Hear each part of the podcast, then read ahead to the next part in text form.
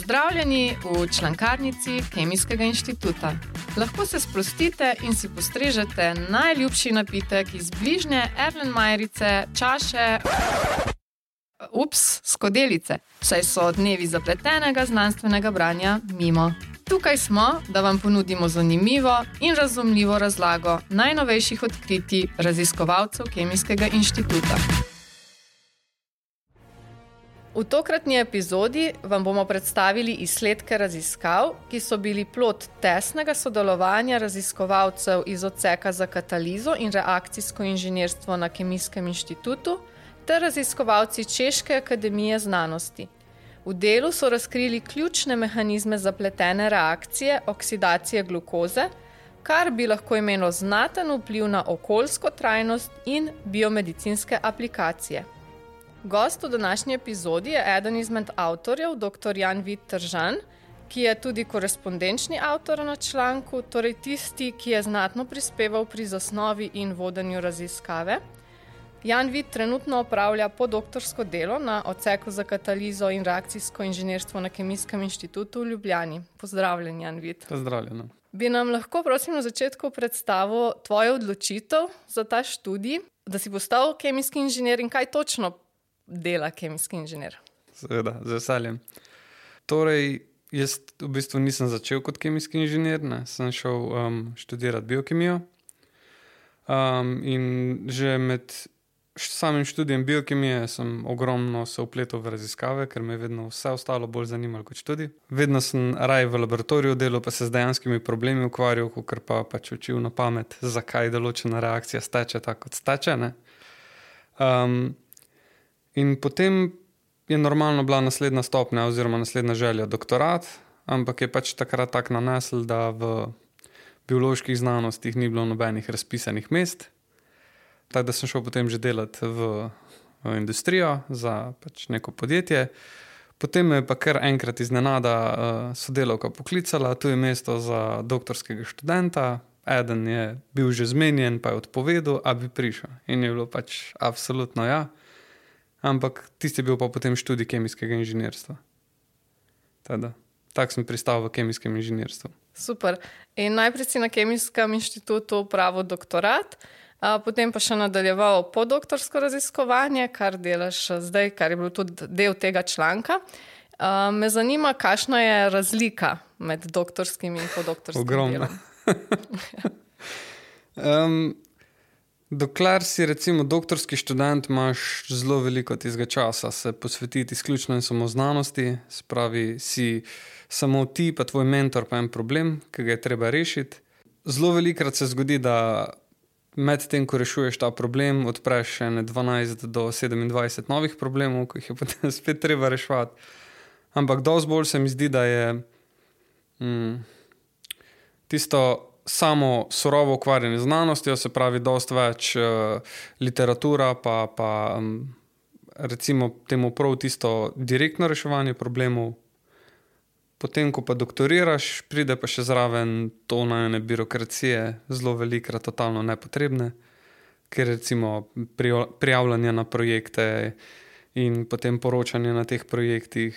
Potem med drugim je nekako treba tudi skrbeti za opremo, novo opremo, se pravi, tudi komunicirati z, z dobavitelji, z um, proizvajalci opreme, kaj je novega na trgu, da pač si ažuren z tem, kaj se da dobiti, kaj lahko pripelje tvoje raziskave na nov nivo, obenem moraš pa še vsem skrbeti za tisti znanstveni del, pa raziskovanje. Se pravi, moraš vsem članke brati, uh, zasnovati raziskave. Ker pač seveda ne moreš ti se na projekte prijavljati za idejami, ki si jih razvil tekom doktorata. Nekako ostaneš približno v tisti smeri, ki si jo, recimo, dobro spoznal tekom doktorata, ampak definitivno pa moraš ostati žuren na tem področju. Mhm, za vsako naslednjo stopno je še več odgovornosti, več ene samo inicijative. Pri raziskavah za ta članek ste uporabili širok nabor pristopov in tehnik, kjer ste se osredotočali na reakcijo oksidacije glukoze.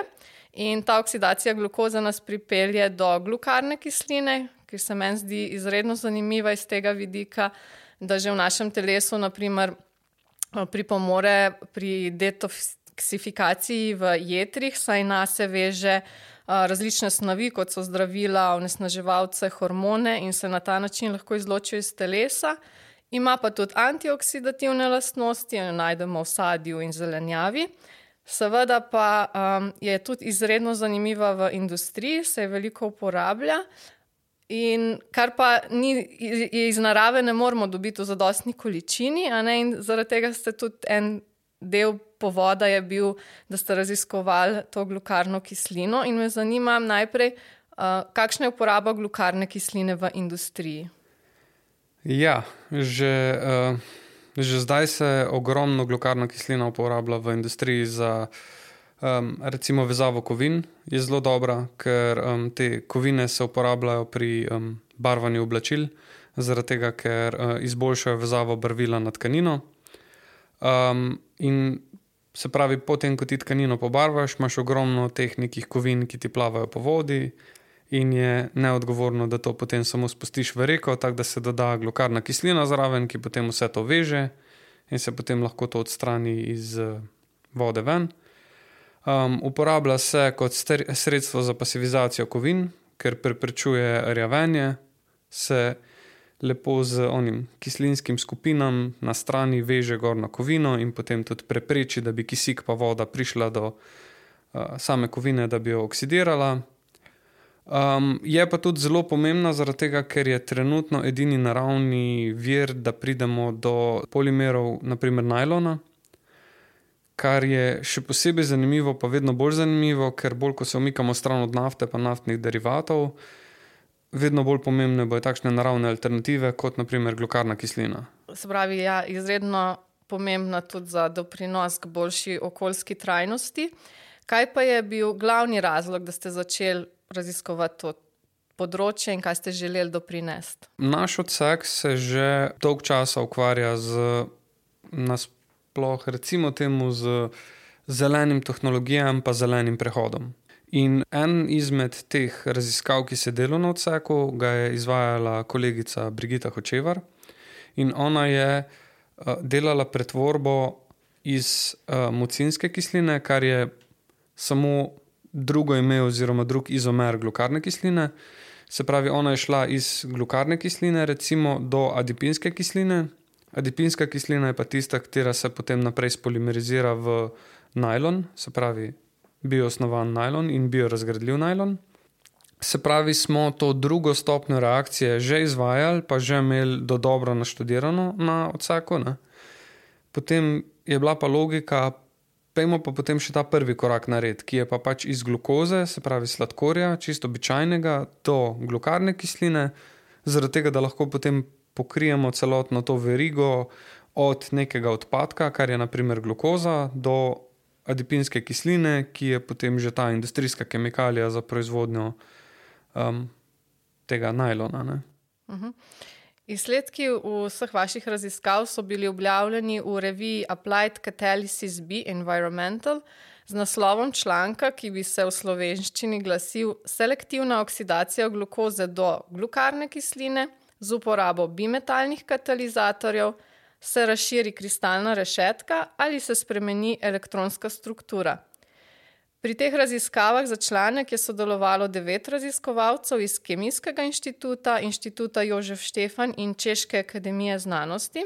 Mnenje o objavljenem članku nam je podal zunani strokovnjak dr. Sašo Gjergek, ki je Poleg pedagoškega dela na fakulteti za kemijo in kemijsko tehnologijo na Univerzi v Mariboru, opravlja tudi raziskovalno delo na inštitutu Jožef Štefan na odseku za sintezo materijalov. Raziskava nam odkrije ključne mehanizme katalitske oksidacije glukoze v glukarno kislino na površini kovinskega katalizatorja. Rezultati raziskave nam odstirajo boljši pogled na to pomembno kemijsko reakcijo, kar na eni strani odpira pot k načrtovanju še bolj učinkovitih katalizatorjev, na drugi strani pa smo za majhen pomemben korak bliže k okoljsko sprejemljivejši proizvodnji glukarne kisline. Kar se mi zdi še posebej pomembno, je, da sedaj veliko bolje razumemo aktivnost zlitinskih nanodelcev v primerjavi z enoelementnimi. Takšna spoznanja so pa vsekakor pomembna za izboljšanje katalizatorjev, tudi za druge, prav tako pomembne in kompleksne kemijske pretvorbe. Dr. Sašo Gergek nam je že zelo lepo povzel vsebino članka in doprinos vaših raziskav. Zdaj pa me zanima, kaj so bili tisti začetki raziskovanja, prvi koraki, ki ste jih naredili. Torej, prvi koraki se mi zdi, da so pri vsakem članku, oziroma na dva načina, recimo, da se članka začneta. Prva raziskava je to, da se približno odločiš, kaj bi rad raziskoval, in potem prebereš eno tono literature, ne vem koliko člankov, zaradi tega, da seveda ne podvajamo stvari, ki so jih že drugi zelo sposobni raziskovalci naredili. Um, in potem na osnovi vsega tega prebranega se nekako odločiš za tiste svoje um, teze oziroma hipoteze, ki bi jih rad eh, potrdil oziroma vrgel. In potem si narediš nekakšen um, okviren plan raziskovanja, ki se vedno poruši, zaradi tega, ker s tem, ko začneš delati, ugotoviš, kaj vse ali nisi pozabil, ali pa kaj vse še ni bilo ugotovljeno. In tako nekako smo mi začeli. Druga varianta je pa pač, da v laboratoriju delaš nekaj, kar si sto procentno prepričan, da bo šlo tako, in potem ne gre tako, in potem je hm, to je pa zanimivo. Zakaj? In potem ste zasnovali tudi eksperimentalne metode, šli po teh. Naredili veliko eksperimentov, da ste prišli do rezultatov. Mogoče lahko že zdaj povzamemo neke ključne rezultate, ki ste jih dobili. Um, torej, um, že prej je bilo ugotovljeno, koliko na kak način se da priti iz glukoze do glukarne kisline. Um, in to so že naredili tudi med drugim raziskovalci iz Francije in so ugotovili, da nekateri materijali delajo boljše kot drugi.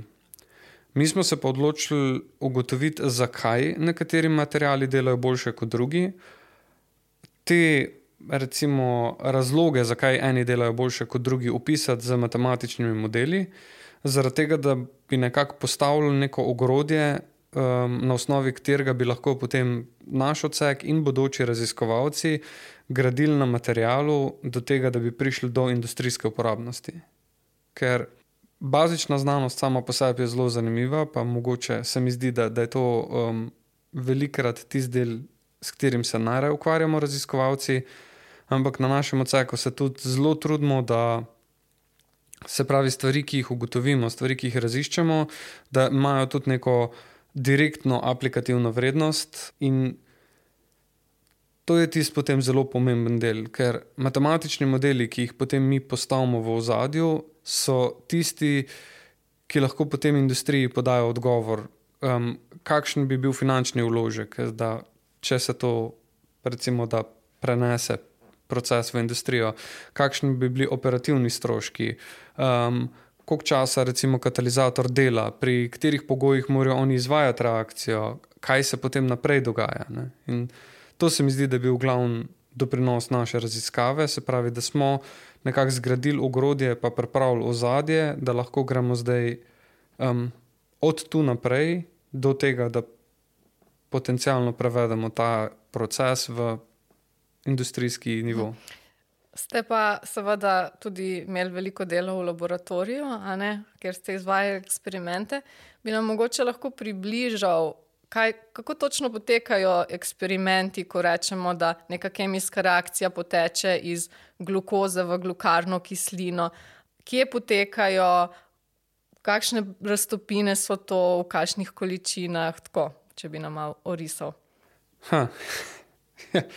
Se pravi, to je uh, zelo kompleksno vprašanje in bom lahko pač dal odgovor, ampak je zelo specifičen na ta proces, zaradi tega, ker um, procesi so vsi podobni, ampak so med njimi tudi zelo velike razlike. Se pravi, za ta specifičen proces je bilo tako, da najprej je bilo potrebno pripraviti materijale. Seveda, um, kot vedno na našem odseku, mi vzamemo neke komercialno dostopne katalizatorje, materijale, ki jih prodajajo uh, podjetja kot Riogen in podobno. Poleg tega pa tudi sintetiziramo svoje materijale. To je običajna mokra kemija, tako kot si predstavljam, da si večino ljudi uh, zamislijo delo v laboratoriju, uh, čašice, mešala, obarvane spojine, centrifugiranje, potem malo pečke, zaradi tega, da se zadeva posuši, oziroma še malo zakuri. Potem, ko so pa enkrat materiali pripravljeni, smo pa mi vzeli uh, jeklene reaktorčke, zaradi tega, ker se pač zadeva um, izvaja pod povišenim tlakom. Nismo pretiravali z velikostjo, ker katalizatori so vseeno na osnovi zlata in pa platine, se pravi, so Dragi. dragi. Potem je pa samo vprašanje tega, da se naredi, um, recimo, temu, da smo naredili za to reakcijo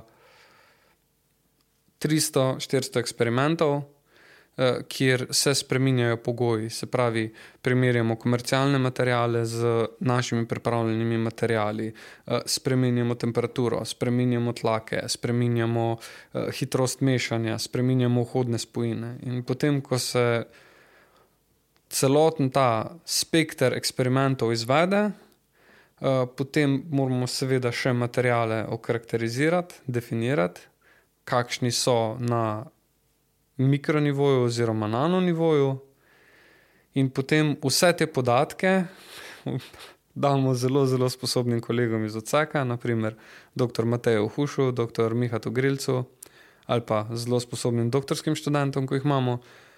Um, in se potem vsi ti podatki unesejo v matematični model, in se potem vzamejo podatki iz teorije in podatki, ki smo jih mi dobili, se potem naredi nekakšen zaključek, neka korelacija, zakaj material dela tako, kot dela, in kako bi material drugače delal, če bi mi pri njemu nekaj spremenili. V tej raziskavi ste raziskovali kar nekaj materijalov, ne, se pravi katalizatorjev.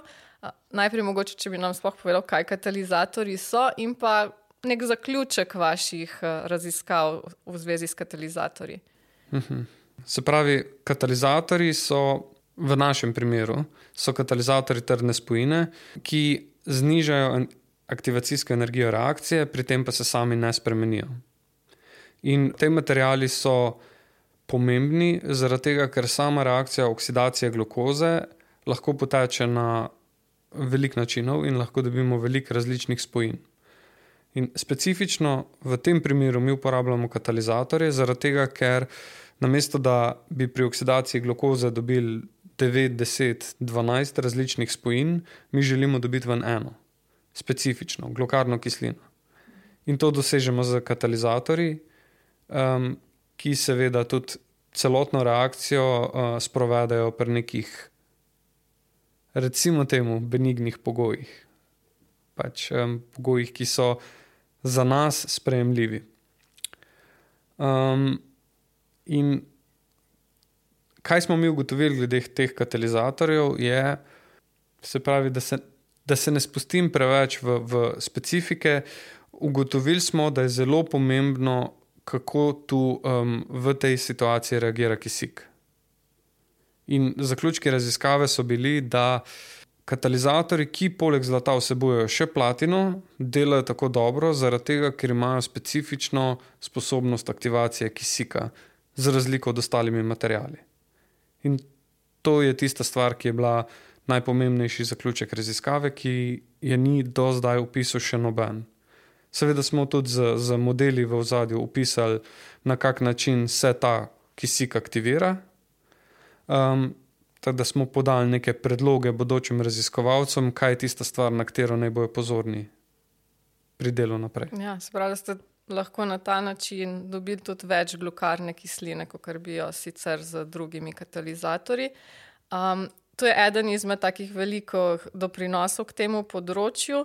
Uh, je še kakšen, ki bo doprinašal drugim raziskovalcem, poleg tega, da zdaj vedo, kateri katalizatorji so boljši, pod kakšnimi pogoji, in seveda ta vaš matematični model za izračunanje.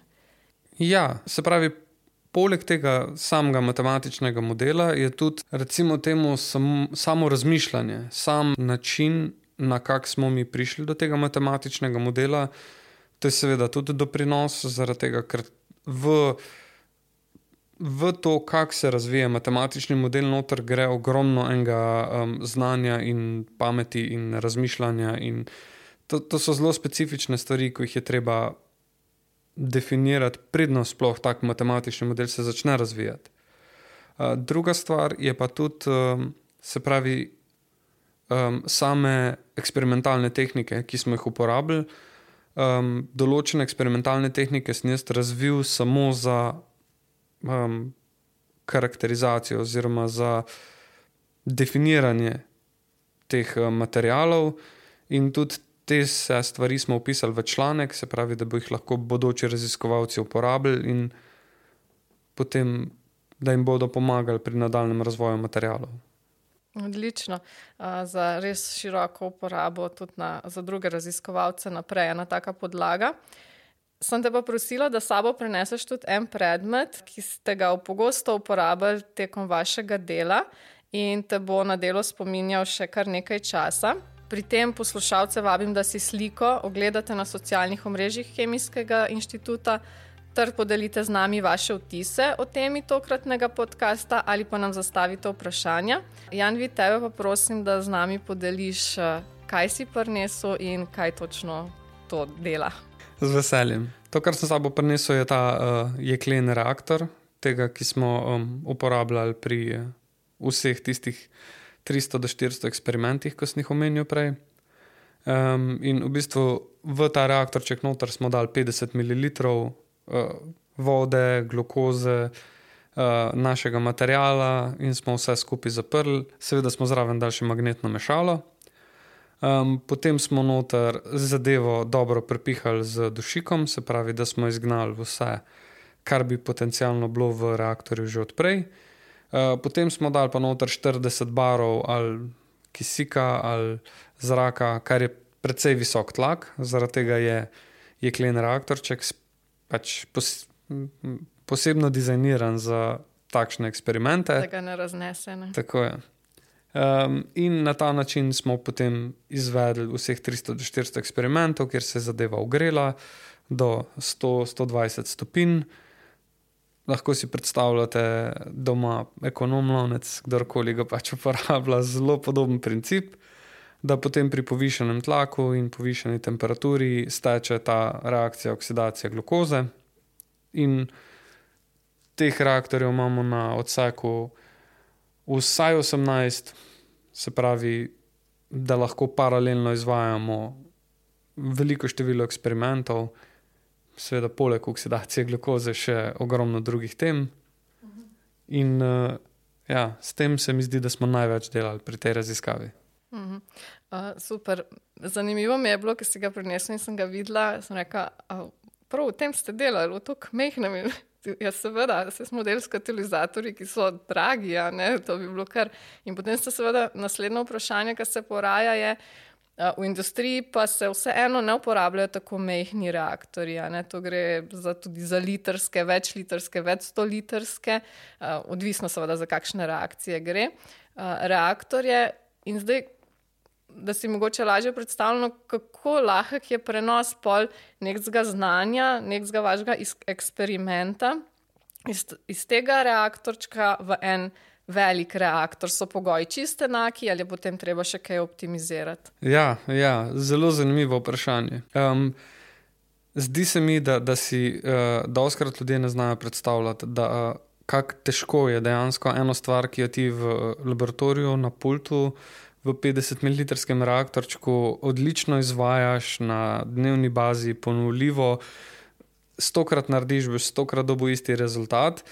Potem pa rečeš, v redu, gremo samo na desetkrat večji, gremo samo na en litrski reaktor. In so zadeve povsem drugačne. Potem, če gremo pa to na industrijski nivo, je pa potem spet vprašanje, ali se bo to delalo, se pravi, v šaržnem obratovanju, se pravi, da bo se um, reaktor po vsaki izvedeni reakciji spraznil, um, sčistil, na nov napolnil, in tako dalje, ali se bo to delalo v pretočnem režimu, kjer bo samo reaktorska cev na, na, napolnjena z katalizatorjem in, bo, in bojo reaktanti, se pravi plini in tekočine, tekli čez, konstantno, kontinuirno, en mesec, dva, tri. Ne. In je že to eno vprašanje. Potem je vprašanje tlaka, vzdrževanje tlaka, potem kako veliki so lahko delci, da se v, v sloju ne ustvarja nepotreben dodaten pritisk. Um, da, da, zadeve niso enostavno prenosljive iz nekega 50 ml reaktorja že na 5 litrski. Ne, ne. Ja, res je ta um, višja skala, potem spet da čez druge razsežnosti, ene ne, druge podatke, ki jih rabimo uh, upoštevati. Um, me pa zanima, glede na to, da je bilo veliko eksperimentov izvedenih, se vam je siguran tekom dela so se pripetile bolj in manj zabavne prigode, uh, če bi mogoče z nami lahko podelil kakšno. Ja. Um, Mi pri delu um, doskrat uh, pridajo študentje, ali je to študentska praksa, magisterska dela, diplomska dela, um, tudi študentsko delo. In uh, seveda študentje delajo manj, recimo, temu nevarne stvari in vse skupaj, ampak vsake tok časa, če pa potrebno izvedeti 300 do 400 eksperimentov, pa študentje tudi um, pomagajo pri teh malce zahtevnejših delih. In glede na to, da je reaktor pri 40 barih, pa visoki temperaturi, vse študente, ki delajo z njim, večkrat opozorim. Se pravi, tu je treba biti previdno, ne sme se to odpreti istočasno, ko je to odprto. Treba je biti previden, ko se to obratuje, treba je biti previden na. Zelo veliko stvari je treba paziti, in s tem, ko sem uvajal študente, in sem rekel, da slučajno kdo nikoli ne naredi tega, in seveda sem naredil to, kjer sem vsebina reaktorja pri 40 barih, pa 100 stopinjah, sprazno posap in hali. Uh, si uživo demonstriral ja, napako. Sem um, študentom lepo pokazal, kaj ne narediti in zakaj tega ne narediti. No, dobro, da se je vse dobro končalo. Ja. V podkastu pa veliko govorimo o dosežkih objavljenih znanstvenih člankih in želimo to pisanje in pripravo na članke tudi približati eh, širši publiki. Pri vašem članku mi je bilo zanimivo to, da glede na to, da je objavljeno v dobri reviji, kjer ponavadi za dostop do tega članka, da ga lahko preberemo, imamo plačati naročnino oziroma plačati nek denar, da, da do njega dostopamo prvas. Pa je ta članek prosto dostopen, odprto dostopen vsem, kar se mi zdi izredno pomembno, da pač se znanje širi do kogarkoli. Zakaj ste se odločili, da ta članek naredite odprto dostopen in ali je to tudi pomenil potem nek dodaten strošek za vaš laboratorij?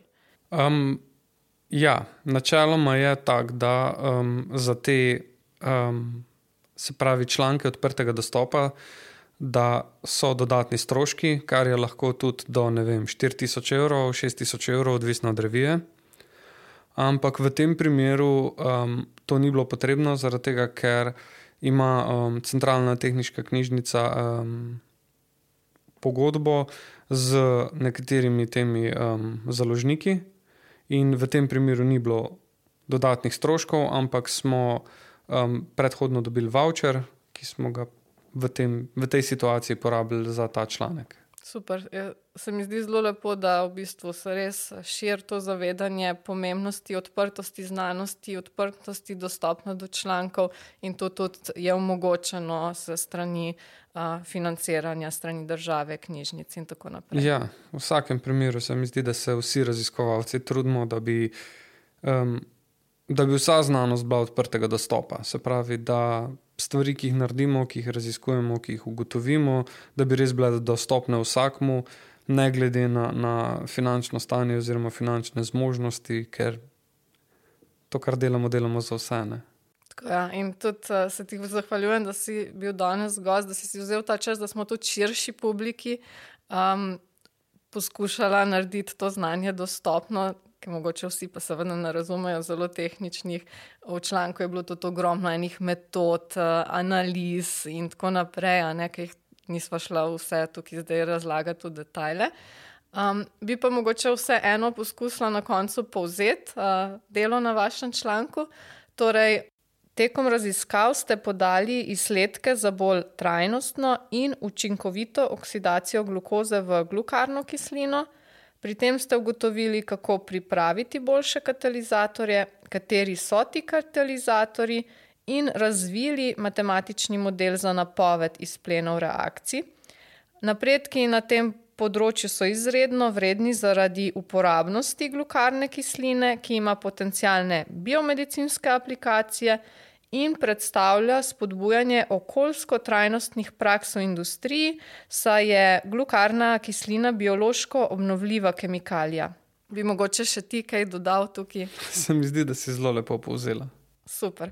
Hvala za tvoj čas in za um, udeležbo v tokratnem podkastu. Z veseljem. Hvala za povabilo.